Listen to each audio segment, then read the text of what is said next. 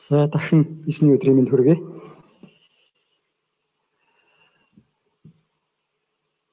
За тэгээ хамтдаа өнөөдрөөс бас Йошуа ном үзэж эхэлж байгаа тий.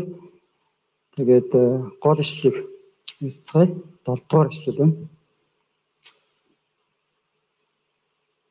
За эхлэе тий. Гагцхуу тууштай бөгөөд чин зөрөгтэй бай. Миний зарц Мосегийн чам тушаасан бүх хуулийг сахин биелүүл. Үнээс баруун тийш зүүн тийш бүү хазаа. Тэгвэл чи хаа явсан газараа амжилт олно. За би залбирая. Хайртай эзэмнээ танд баярлалаа. Гинтээ сул дорой бидний Есүс Христийн нэрээр аварч хайрлан удирдах байгаа талархаж байна. Энэ өдрийг зөвшөөрөн өгч танд хүндэтгэл магтаалыг өргөх боломжийг өгч байгаад баярлалаа. Энэ цаг ч гэсэндээ бидэнд бас Йошуа өгч байгаа талархаж байна. Энэ цагт таны үгнээс суралцах үед та өөрийн мэрэгэн ухаан ариун сүнс дотор бидэнд шинэ ухаарлыг ойлголтыг зөвшөөрж өгөрөө гэж гуйж байна. Таны үеийг дамжуулах сул дараа хүүгэж гэсэндээ ариун сүнс дотор мэрэгэн ухаан дотор та удирдах өгөөрэй. Энэхүү сая эзэн танд даатгаж байна. Есүс нэрээр залбирч байна. Амен. За өнгөрсөн хугацаанд Марк номыг хайр гэлтгээр зөвшөөрж өгсөн бурханд талархаж байна. Харин өнөөдрөөс бид нар Йошуа номыг шинээр үзэж хэлэх гэж байна. Тэгээ бас Йошуа номыг шинээр зөвшөөрж байгаа бас бурхан талархаа тий. Тэгээ Йошуа номыг ингээ бүхэлд нь харах юм бол яг энэ цаг үед манай чуулганд өгч байгаа хамгийн тохиромжтой үг байна гэж зөв миний зүгээс тий тэгээс ойлгож байгаа. Тэгээ өнөөдрийн нэгдүгээр бүлгээс харах юм бол ч гэсэндээ тий бас яг манай чуулганд бидэрт яг өгж байгаа үг байна гэж итгэж байна. Тэгээ Йошуа номыг манай эртний өмнөх 12-оос 13 дугаар зууны үед Йошуа бичсэн гэж үздэг. Яг хөө мэдээж янз бүрийн эргэлзээ өөр хүмж бичсэн байх магадaltaй гэдэг янз бүрийн юунууд тайлбарлус байгаа. Тэгээ Йошуа гэдэг маань эзэн аварна гэсэн еврей үг байгаа тийм. Тэгээд энэ номоор дамжуулаад Йошуа болон Израиль арт түмэн Канаан газар хэрхэн байлдан дагуулсан бэ гэдэг тэр бодит түүхээс бид нар суралцах болно. Харин өнөөдрийн намдал буюу нэгдүгээр бүлгээр Бурхан Мосегийн залхамжлагчаар Йошуаг сонгон босгоод тэг хэрхэн үүрэг тушаал өгч Канаан газрыг бас эзлэх зааварч хилүүлгийг өгч байгаа талаар зааж байна. Ялангуяа хэрхэн ялалт байгуулах тэр амжилт олох нууц аргыг өнөөдөр зааж өгч байна. Нэгдүгээр хэсэг тууштай бөгөөд зоригтой бай. Нэгдүгээр ишлэл болон хоёрын А хэсгийг харцгаая. Эсний зарц Мосег өөд болсны дараа эзэн Мосегийн туслах нууны хүү Йошуад миний зарц Мосе өөд болваа гэж хэлсэн. Бурхан Мосег цөлд дасгалжуулан бэлтгэснээр Израильчуудыг Египтийн боочлоос чөлөөлөх тэр удирдагчаар босгож хэрэгэлсэн байдаг. Тэгээд э, Бурхан Мосегоор дамжуулан Египтэд 10 гамшиг үзүүлсэн. Улаан тэнгисийг гаталж цөлд мааннагаар Израильчуудыг хоолож байсан хаднаас те усыг гаргаж байсан. Тэгээд харь үндэстнүүдэд хийсэн тулаанд бас ялалтыг байгуулж байсан те. Мөн Мосегоор дамжуулан бурхан 10 хуулийг Израильчуудад өгч байсан. Харамсалтай нь Мосегийн хувьд Бурхны өмнө итгэлгүй байдлаасаа болоод Израиль ард түмний хувьд ч гэсэндээ те Канаан газар орох тэр эрхийг хасвсан баг.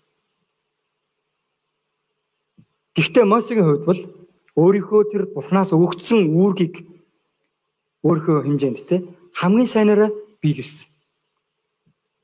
Тэгээ Канаан газрын хил дээр ирээд одоо харин нас барч байна те. Тэгэхээр Мосе нас барсан нь Израильчүүдийн хувьд бол маш том гар цохирол байсан байгаа. Тийм ч учраас Израильчууд 30 хоногийн турш түүний хойноос гашуудсан гэж байна.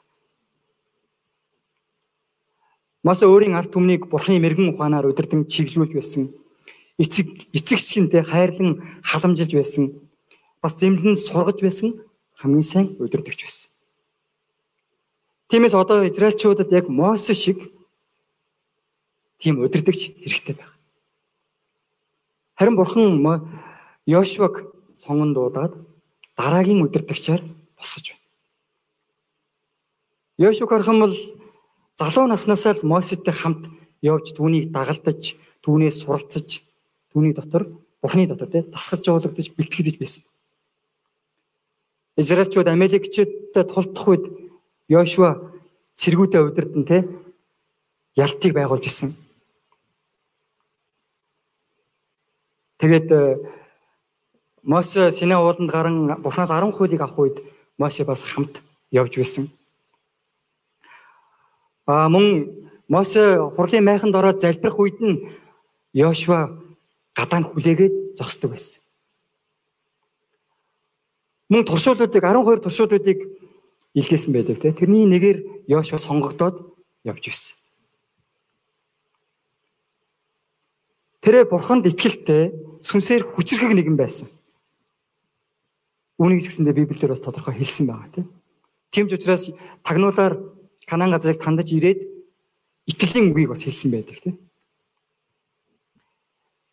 Тиймээс бурхан Йошуаг сонгон дуудаад Израилийн удирдагчаар босгон томилж. Эндээс бид бурхан бол түүхийг удирддаг гэдгийг мэдэж болж байгаа. Түүхийг удирддаг юм. Тийм учраас Өнөөдөр бид ч гэсэндээ те энэ бурхныг хараад ямар ч хэцүү нөхцөл байдалд байсан ч гэсэндээ цөхрөхгүйгээр бурхны авралын түүхэнд оролцох урам зоригтой болж чадах юм. Бурхан өөрийн сайн мэдээний ажлыг авралын түүхийг ямар нэгэн нөхцөл байдлаас хамаарахгүйгээр үргэлжлүүлсээр байдаг. Тэгвэл Йошуад ямар үүргийг өгсөн бэ? 2 дугаар эслийн Би хэсгийг харъя те. Одоо чи босож энэ бүх ард түмний хамт энэхүү Йорданы гатлан Израильчуудад миний өгөх тэр утга руу яваа гэж хэлсэн. Товчхон хэлгэн бол Канаан газрыг эзлэрэ гэж тушаасан байна те. Тэгвэл энэ тушаал нь ямар утгатай вэ? Юуны төрөнд одоо чи бос гэж хэлсэн. Одоо чи бос гэсэн. Хамт хэлэхөө. Одоо чи бос хамт жоохон чангаар хэлээ те. Одоо чи бас өнөөдөр энэ тушаалч гэсэн бидэнд хэлж байгаа үг гэж би итгэж байна. Мосегийн үхэл Израиль ард түмэнд болон Йошуад маш том цохилт болсон. Тэгээ үүнээс болоод гуниг цөхрөлд тэд бүгд автсан байсан. Ийм нөхцөл байдлын дунд байдлыг харсан бурхан Үгсэн нэгнийг хойноос гашуудаг бас харин төгсгүйчд амьд тэдэнтэй үргэлж хамт байгаа тэр бурхныг хараад босоорой гэж тушааж байгаа.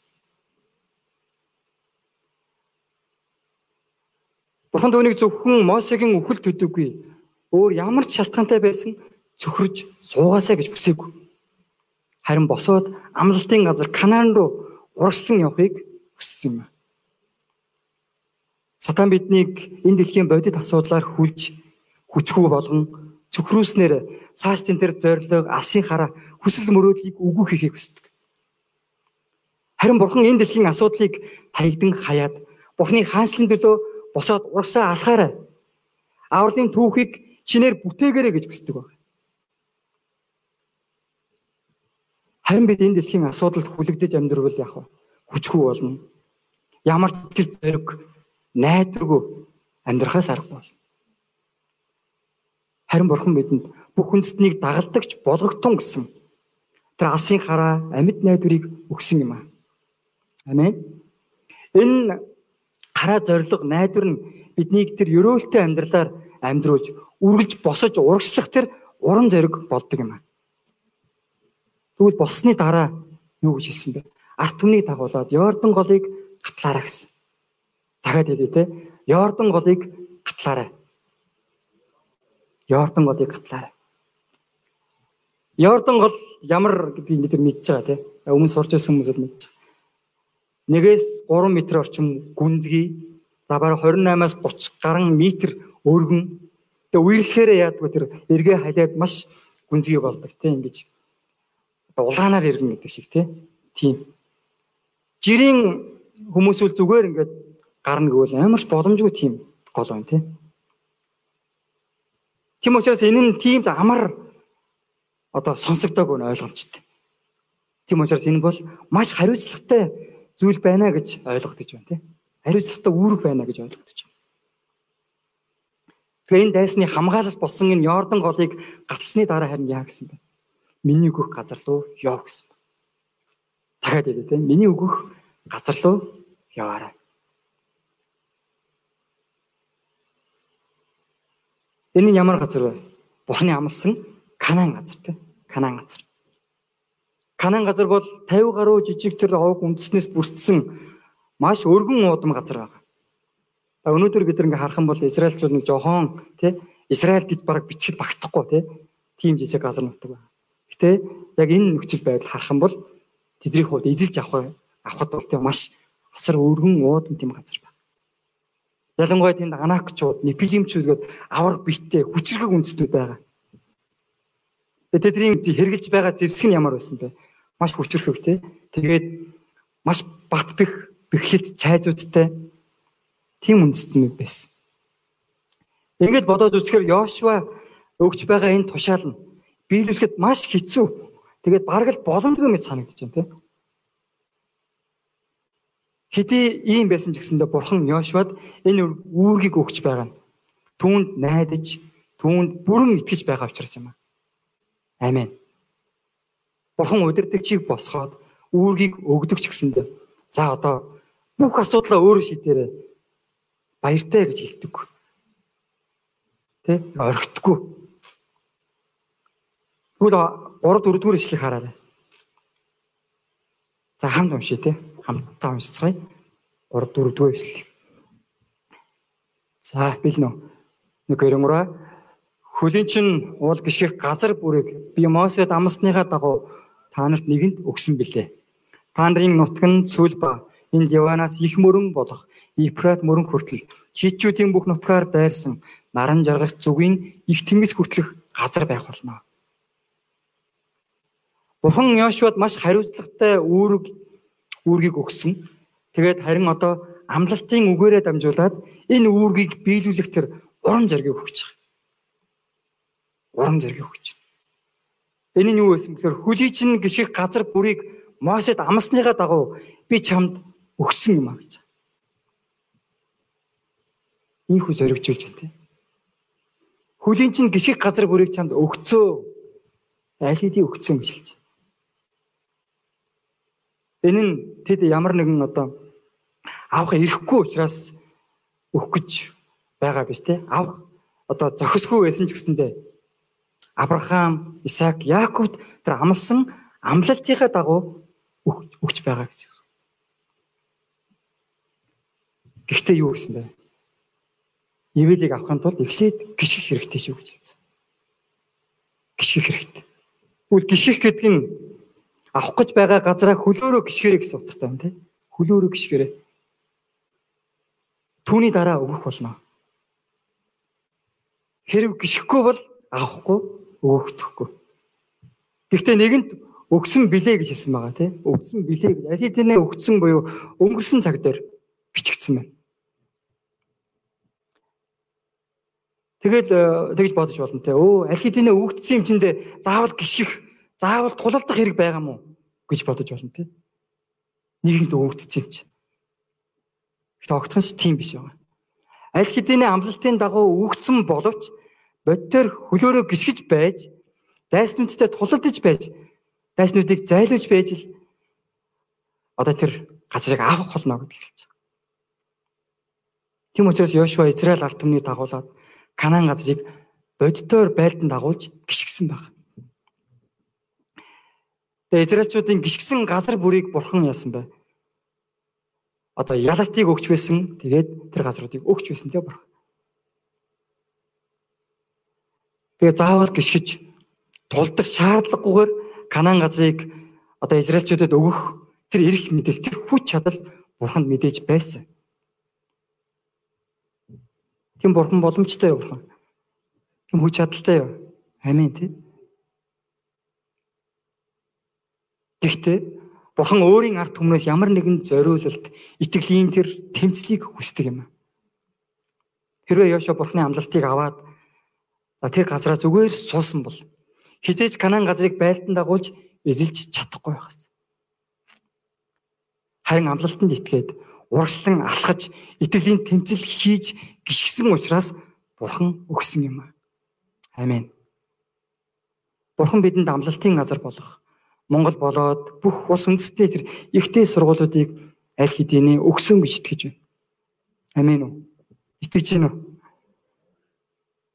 Бурхан ховд их сургууль болон баруун Монголыг бас бидэнд өгсөн. Тэ? Дархан их дарханы тэр ихтэй сургуулиуд болон Монголын тэр хойд хязгаарыг Бурхан өгсөн. Харин бид тэ аль хэдийн өгсөн бөгөөд амлсан зүйлийг авахын тулд харин гიშгэх хэст. Гიშгэх хэст. Өөрөөр хэлэх юм бол тэр газар очоод боддоор үйлчилж, сайн мэдээг тунхаглаж тэгээ амьдралаараа гэрэл давс болж амьдрах хэрэгтэй гэсэн үг. Матай 28-ын 19 20 дугаар эшлэлээр хэлсэн байдаг тийм агуу захирамж. Иймээс та нар яв бүх хүнснийг дагалдуулахтун. Эцэг хүү ариун сүнсний нэрээр тэдэнд баптизм хүртээ. Та нарт тушаасан бүгдийг сахин биелүүлэхийг тэдэнд заа. Энд маш чухал үг байгаа. Харин үеийн төгсгөл хүртэл би та нартай үргэлж хамт байх болно гэж хэлсэн.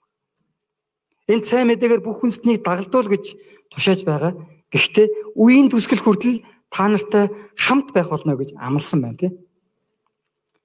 Харин тэгвэл бидний хувьд бодитор хийх зүйл нь юу юм бэ? Амлалтын газрыг эзэмшхийн тулд бид нар босоод идэвхтэйгээр алхах хэрэгтэй юм. Амен. Бид Бурхныг итгэлээр итгэлээрээ те Бурхан биднийг итгэлээрээ босоод явахыг хүсдэг итгэлээрээ босоод явахыг хүсдэг. Итгэлээрээ гიშгэхийг хүсдэг. Тэгээд түнс сүнсний тэмцлийг хийж дайснуудыг зайлуулахыг хүсдэг юм аа. Хизээ манай цугланд оюутнууд орж ирэх болоо гэж зүгээр суугаасаа гэж бурхан хүсэхгүй. Харин өгсөн гэж итгээд босох үед, авсан гэж итгээд гიშгэх үед тэр гიშгсэн хэмжээгээр бурхан өгөх болно.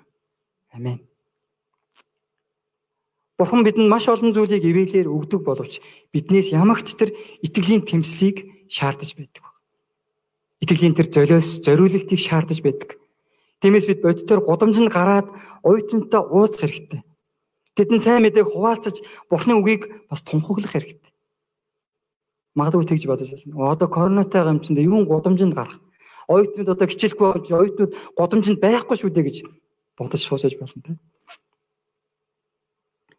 Тэдэнд сайн мэдээг хуваалцаж авралын түүхэнд бидэнд хэрэглэхэд мэдээж ингээд короны мэт маш олон саадууд байгаа. Бодитоор харвал тийм. Гэхдээ энэ бол бидний гიშгэхэд огтхон саад болохгүй юм аа. Санал нийлж байна. Харин бид нар бэрхшээлийг өөрөөсөө харах хэрэгтэй. Бэрхшээл саад нь бид нар өөрсдөө байдаг. Бидний дотор байдаг. Сулаан саятан болсон хүмүүс эсвэл шоугаар ингээд нэрд гараад алдартай болсон хүмүүсийг та нар ингээд ажиглаж харах юм бол ингээд тууштай яваад нэр алдарт хүрээд эсвэл саятан хүмүүс баяжаад ингээд баян чигээр ингээд амьдрсан тийм тохиол маш ховор баг. Нэг л өдөр замхан алга болсон байт. Яагаад гэвэл тэд нар тэр баячууд шиг нэр алдартай одод шиг олон жилийн турш тэр хөдөлмөрлөж, нүр хөдөлмөрлөж, шаргуу тэмцэж, зүдэд зүтгэж байж тэр ивэлийг, тэр алдар нэр хүндийг эд баялыг олж аваагүй учраас тэр ивэлийг зөв эдэлж чаддаггүй. Хэрвээ ямар нэгэн тэмцэл болон итгэлийн золиос зориулалтгүйгээр Бурханаас ивэлийг авсан бол одоо бурхны жинхэнэ ивэлийг бид нар бас эвдэлж чадахгүй байна. Тэгээд яах вэ гэхээр бурхан бурхны ивэлд талархалгүй амьдрах болно. Харин хөлсөө урсгаж байж, цаг зав зүрстгэлээ зориулж байж, итгэлээр тэмцэж байж, нулимстайгаар өгөгдсөн тэр бурхны ивэл нь маш үн цэнтэй эрхэм нандин байдаг юм. Тэмч учраас энэ ивэл төлөө бурханд цаг үргэлж талархаж бурханд алдрыг өргөж амьдрч чаддаг. Тэр ч бүгөр бурхны ивэл амлалтыг хүлээн авах тэр хүртэл хугацаанд яадаг гэхээр бурхныг суралцдаг, бурхантай улам илүү тэр дотн гүнзгий харилцаатай болж чаддаг баг. Тэгвэл ийхүү гიშгэхийн тулд байнга бидний санаж байх ёстой тэр амлалтын үг бурхны үг нь юу вэ? 5 дугаар ишлэгийг хараарай. 5 дугаар ишлэл. За энд хэлж тэ амьдралын чинь бүх өдрүүдэд хинч чиний эсрэг зогсож чадахгүй. Би Мосетэй хамт байсныхаа адил чамтай мөн хамт байх болно. Би чамайг орхихгүй мөн чамайг түлхэж хаяхгүй. Амен. Энэ үг танд урам зориг өгж гин үү? Амьдралын чинь бүх өдрүүдэд хэн чиний эсрэг зогсож чадахгүй. Мосетэй хамт байсныхаа адил чамтай хамт байх болно гэж байгаа тийм. Чамайг орхихгүй хизээж чамайг түлхэж хаяхгүй гэж. Бурхан Мосетэй хамт байсан учраас тэр Египт болон цөлийн замд Израильчүүдийг маш гайхамшигтайгаар удирдах байсан. Мосе ганцаараа биш харин Бурхан түүнтэй хамт байсан учраас хамгийн зөв замаар хамгийн зөв аргаар удирдах байсан баг. Мосе агуу удирдахч болсон гэдгийг ч гэсэндэ Бурхан түүнтэй хамт байсан учраас Мосе агуу удирдахч болж чадсан юм. Харин хамгийн хөөрхөлтөө бөгөөд өрөвдөлтөө амьдрал юу байдаг вэ? Бурхан хамт байхгүй байгаа. Бурхангүй амьдрал байна тий. Харин бүх цаг үед үргэлж хамт байх болно гэсэн энэ амлалтанд биднийг тайвшруулах, хүчрхүү, хүчрхэгжүүлэх гайхалтай тэр амлалтын үг байна. Бурхан надтай хамт байж хэрэгцээтэй бүхнээр тусалдаг, хүчрхэгжүүлдэг, зоригжүүлдэг хэрэгцээтэй тэр мэрэгэн ухааныг ч гэсэндээ цаг тухайд нь өгдөг юм. Тэр үед бид юу ч хийсэн хаач явсан амжилттай амийн хүчээр дүүрэн амьдрч чадах болно. Бурхан биднийг итгэлээр амьдрах үед, амжилт гаргах үед хамт байдаг биш. Харин бүтлгүүдэх үед, дампуурах үед зовлонтой байгаа үед ч гэсэндээ Бурхан бидэнтэй хамт байдаг. Ямар ч нөхцөл байдлаас хамаарахгүйгээр Бурхан үргэлж бидэнтэй хамт байгаа юм. Амен.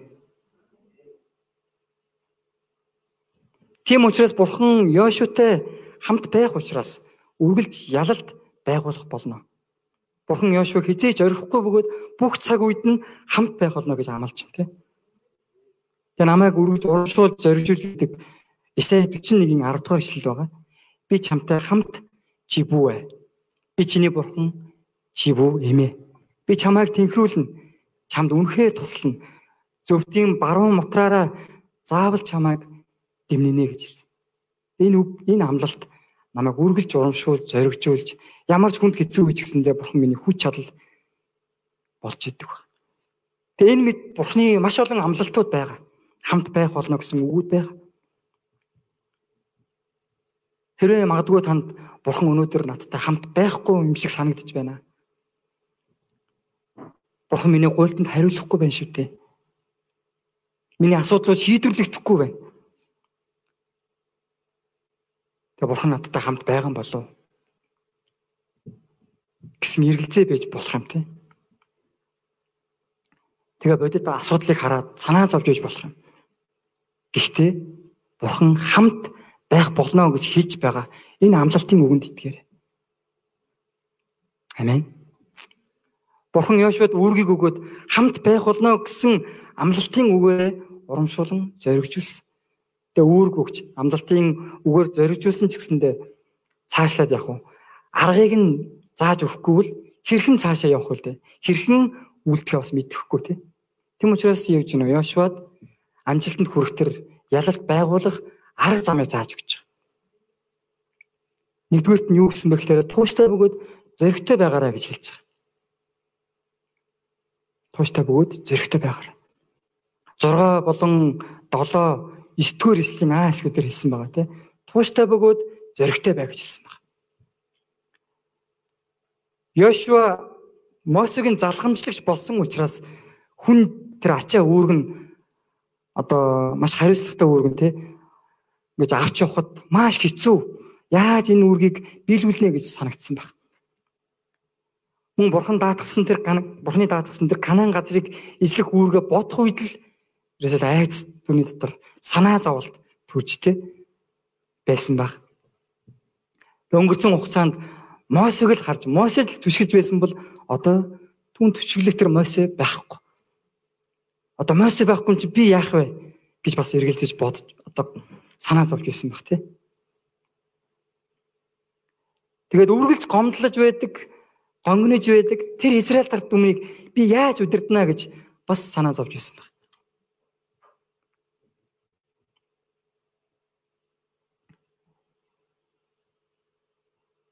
Гэхдээ бурхан түүний энэ зүрх сэтгэлийг мэдээд тууштай бөгөөд зоригтой байгаарай гэж байна. Бурхан бидний бүх бодол санаа юу бодож байгааг мэдчихэе. Түүнтэй адилхан Йошуагийн юу бодож, юунд санаа зовж, юунаас айж байгааг бурхан мэдчихсэн. Тийм ч учраас тууштай бөгөөд зоригтой байгаарай гэж хэлж байна. Бурхан түүний Канаан газрыг Канааныг эзлэх тэр дайнаас өмнө зүрх сэтгэлийг нь ихэд эхлээд бэлдэж зоригжуулаад тэ түүний өөрийн тэр сурд дорой байдал болон өөрийнхөө дотор байгаа тэр айцыг ялан дэлхийх хүссэн байна. Тэгэхэд юуны төш түрүү эхлээд тэ тууштай бай гэж хэлсэн байгаа. Тууштай бай. Тэгээ тууштай бай гэдэг маань маш чухал байна тий. Ямар нэгэн зориг юм уу алсын хараа байгаа бол хийх гэж зорж байгаа зүйл байгаа бол түүнийхээ төлөө одоо эцэс хүртэл нь явах дуустал нь хийхийг хэлж байгаа. Тууштай байна гэдэг. Тэгээ ямар ч талбарт байсан амжилтанд хүргэдэг нэг хүчин зүйл бол тууш одоо авьяас чадвар юм уу эсвэл шаргуу хөдөлмөрөөс гадна бас тууштай байдал маш чухал одоо өндөр байр суурийг эзэлдэг юм байна л да. Тэгээ үүнийг нэг одоо сэтгэл судлаач Анжела Ли Дакворт гэдэг нэг тогтоосон байгаа. Зөвхөн амьяас чадвал хичээ зүтгэлээр амжилтанд хүрэхгүй байна. Тууштай байдал маш чухал юм байна гэдэг зүйлийг судалгаагаар ингэж баталж гаргаж ирсэн байна. Тэгэхээр тууштай байх нь бидний өмнө ямар асуудал тулгарсан ч зорилготой хүрэхийн төлөө зогсолтгүйгээр тэмцэж урагшилж байхыг хэлж байгаа. Магадгүй бодитоор харахад ямар ч үр дүнгүй хийж байгаа зүйл нь ямар ч ашиггүй үр жимсгүй мэд харагдаж болно. Гэхдээ тууштайгаар эцэс хүртэл нь явсаар байх хэрэгтэй гэсэн үг. Томас Эдисоныг бид нар мэдж байгаа тийм.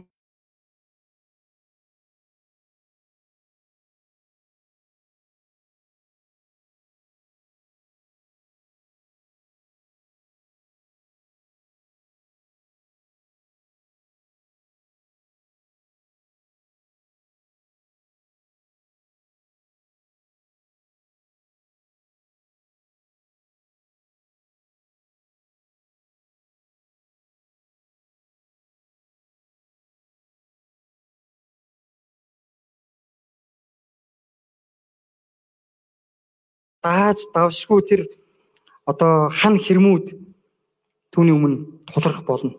Гэхдээ тууштай байснаар ялалт байгуулж эзэлж чадна гэдгийг ухааруулахыг хүссэн байна. Өнөөдөр бидний хувьд гэсэндээ хаанчлалын ажилд болон бусад зүйлсээс гэсэндээ тууштай байдал маш хэрэгтэй байдаг. Зарим хүн он гэхлэнгүүдэлтэй Библийг би нэг удаа уншиж дуусгана, хоёр удаа уншиж дуусгана гэж маш том зорилго тавьдаг гих мэтлэн гэдэг зөвхөн Библиэлд жишээ авч байна л да. Өдөр болгон өглөөний гуйлтанд оролцсноо гэдэг ч юм уу тий. Өдөр бүрийн хоолыг өдөр болгон иднэ гэдэг ч юм уу. Огт хийхгүй байжгаад гинт тийм зориг тавиад маш том зориг тавиад хийх мөл мэдээж шантрах янз бүрийн асуудал бэрхшээлүүд тохиолдно тий. Тэгэнгүүт яадаг вэхээр хэсэг хугацаанд хийжгаад өө бүтггүй мэн гэж болдог ч юм уу. Чадахгүй мэн Гэл тэгэл цагийн урсгалаар яадгүй. Тэр нь ингээ багасаар багасаар тэгэл нэг мэтгэд он дундаа орсон чи яасан бэ? Нөгөө Библийг хагасчилд нэг удаа уншина гэсэн чи айл уншаагүй байж байдаг ч юм. Тийм тохиолдол зөндөө байдаг.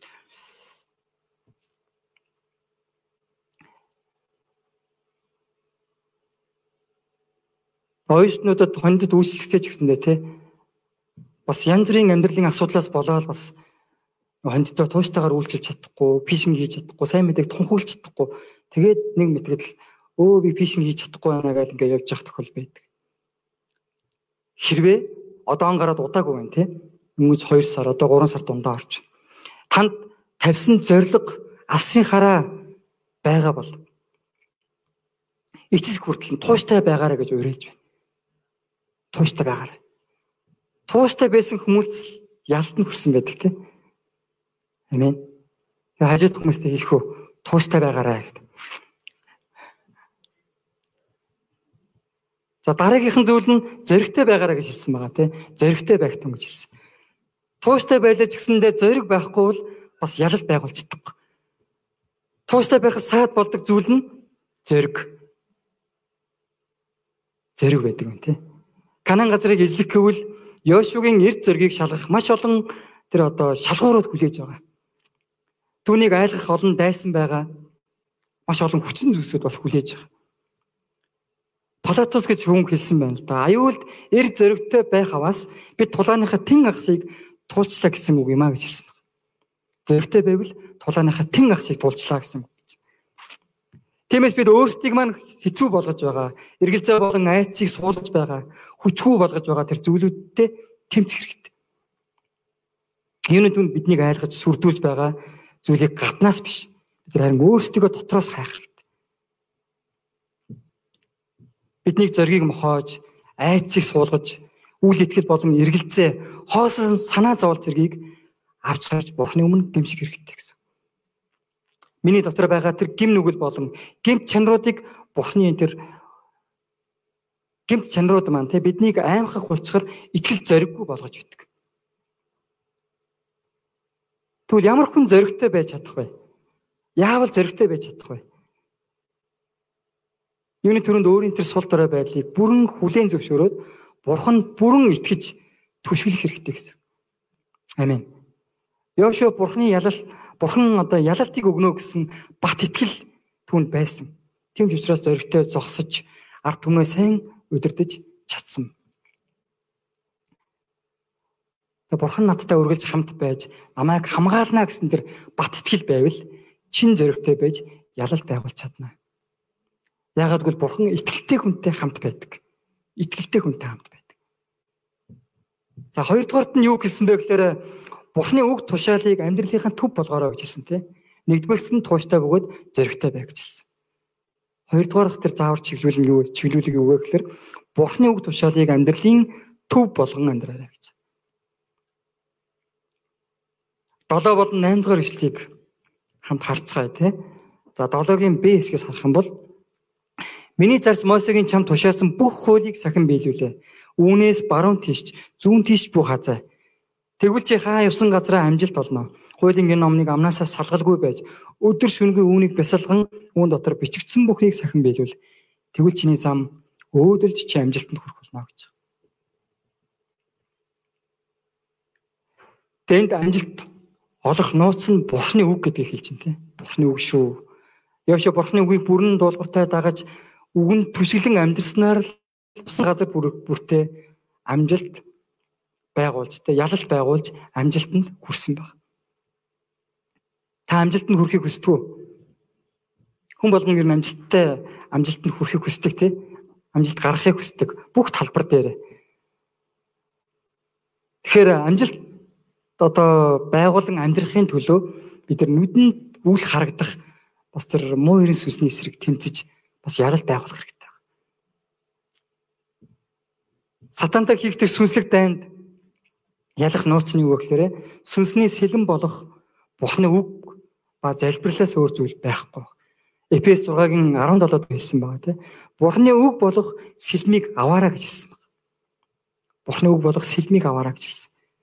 Бурхны үг нь сүнсний тулаанд барьж орох хамгийн чухал зэвсэг байна дээр гислээс харах юм бол Бурхны үгийг цахим биелүүлэхэд анхаарч одоо зүүн тийшээ, баруун тийшээж бүх хазаагаарай. Тэгээд зогсохгүй өдөр шөнөгүй тунгаан бодож бясалгаарай гэж хэлж байгаа. Энэ бол амжилт олох, ялалт байгуулах нууц хэлж байна. Тэгэхээр Йошуагийн хувьд өдөр шөнөгүй дагаж мөрдөх баримтлах зүйл нь юу вэ гэхээр Бурхны үг тушаал байна. Тийм учраас Бурхны үг бол өнөөдөр бидний хувьд гэсэндээ амжилт болох нууц юм байна. Амен. Йошуа Бурхны үгийг чандан сахиж дуулууртай дагсан. Тэгээд огтхон ч одоо өөрийн санаагаар Бурхны үгийг өөрчилж юм уу өөрийн санаагаар ямар нэг зүйлийг үлдээгүй баг. Тийм ч учраас тэр яасан явсан газар бүлгээ бүртээ те ялалтыг байгуулж байсан.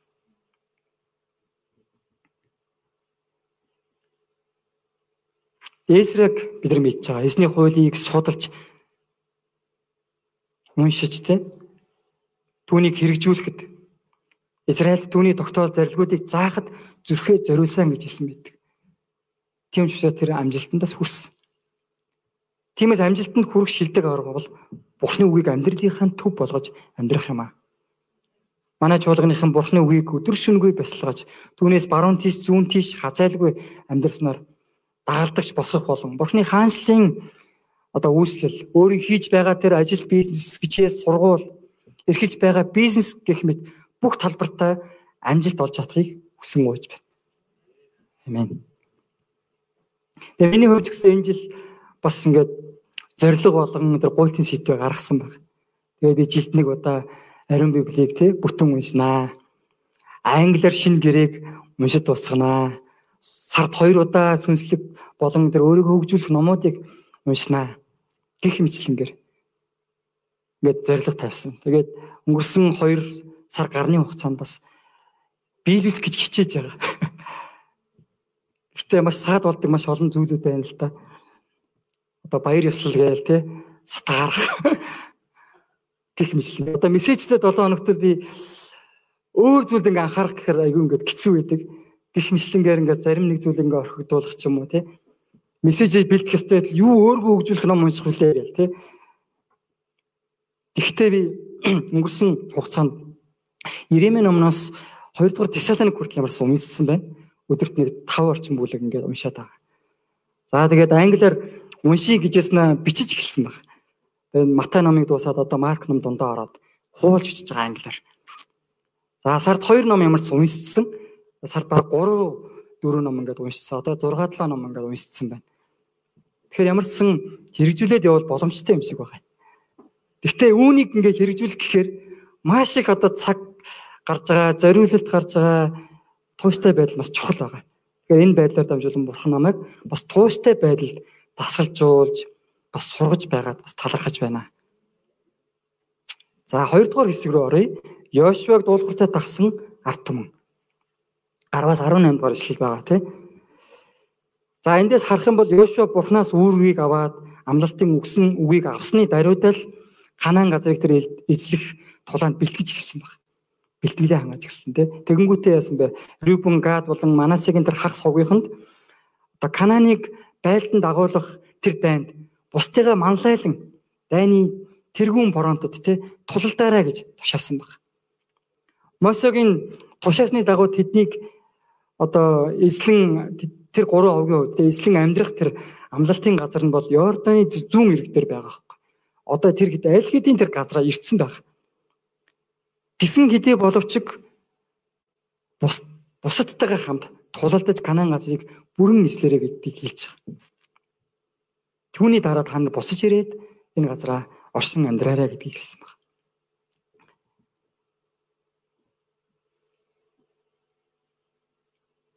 Ялангуяа тэр Йошугийн хувьд те бусад ард түмнийхээ төлөө, ах дүүсийнхээ төлөө одоо идэвхтэйгээр хамтран зүтгээрэй тий гэж хэлж байгаа.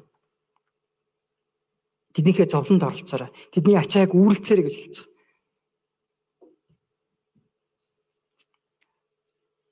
Харин одоо энэ сүнслэг тулаанд Канаан газрыг эзлэх сүнслэг тулаанд нэг хүн жигсэндээ зүгээр сууж одоо өөрийгөө амиа бодоод үлдээсэй гэж хүсээгүй гэсэн үг. Тэгээд энэ сүнслэг тулаанд ив нэгдэл маш чухал байна тий. Чухал үүрэгтэй байсан. Тэгээд сүнсний танд хүч чадалтай агуу нэгнээс илүү дутуу дөлмөгч гэсэндээ бүх хүмүүс нэгдэх үед амжилт олддог юма гэдэг зүйлийг бас харж болж байгаа. Рюбен Гад Манасегийн хагас овогт Йошугийн үгийг дагалгүйгээр зүгээр энэ нутагтаа бид нар амьдрья. Бид үлдъя гэж хийж болох байсан. Харин тэд яасан бэ? Йошуаг Бурхны босгосон удирдахч гэж хүндэтгээд түүний үг тушаалыг дуулууртайгаар дагсан баг. Түүгээр зогсохгүй шинэ удирдахчийг яасан бэ? Урамшуулаад, зоригжуулаад түүний төлөө ерөөн залбирч өгч байгаа. Тэгээ үүгээр бурхан бүх израилчууд одоо Йошуаг удирдахчаа болгож, Йошуаг төв болгоод сүнсний тэр эмх цэгцийг бий болгоод одоо ариун сүнсний тэр бат бэх хамтран зүтгэгчийг одоо бий болгож босгосон байна. Тэм учраас тэд нар сүүлдэнтэй ялалт байгуулж Канаан газрыг эзэлж чадсан юм аа. Дүгнэлт өнөөдрийн үгээр дамжуулан Израиль ард түмний шинэ удирдагчаар Йошуаг босгоод шинэ үүрэг тушаалыг өгч байгаа Бурхныг бидэнд зааж өгсөн. Мөн Канаан газрыг байлдан дагуулах байгуул байлдан дагуулахын тулд тэ тууштай бөгөөд зөрөгтэй байж Бурхны үгийг амьдралынхаа төв болгон амьдраарай гэдгийг бидэнд заан өгч. Уг нь Канаан газрыг байлдан дагуулахын тулд хүчрхэг зэр зевсэг ч юм уу хүчрхэг айрам бас маш мэрэгэн ухаантай одоо сайн стратеги төлөвлөгөө хэрэгтэй юм шиг санагдаж болно тий.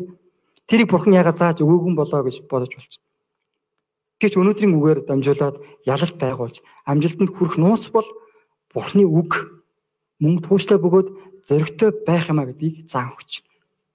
Тууштай бөгөөд зөрөгтэй байхын тулд бурхны амлалтанд итгэх хэрэгтэй. Хүн Бурхныг бүх зүрх сэтгэлээрээ хайрлбал бид нар тууштай бөгөөд зөрөгтэй байж чадна. Бидний хувьд хүн нэг бүр үгийг барин тэмцдэг. Бурхнаар дамжуулан амжилт байгуулдаг амьдралаар амьдарч чадахыг хүсэн гойж байна. Ялангуяа бидэнд өгсөн хончны үүргийн төлөө сайн мэдээний үүргийн төлөө тууштай бөгөөд зоригтойгоор амлалтын газар болсон газар очоод тий итгэлээр гიშгэж чадахыг хүсэн гэрэж байна. Амен. За хамтдаа залбирцгаая. Хайртай эзэм танд баярлалаа. Энэ цагт өөрийн үгийг өгсөн талархаж байна. Израилийн шинэ өдөртөгч Йошуа гэж та босгоод түүнд шинэ үүрэг, шинэ тушаал, амлалт болон хэрхэн Канаан газрыг эзлэх тэр арга замыг амжилт байгуулах, ялалт байгуулах тэр арга замыг зааж өгсөн талархаж байна. Өнөөдөр бид ч гэсэндээ бидэнд өгөгдсөн тэр амлалтын газар болох Канаан газар очоод бодитоор гიშгэж сүнслэг тэмцлийг хийж ялалт байгуулдаг амьдралаар биднийг удирдах өгөөч гэж гуйж байна.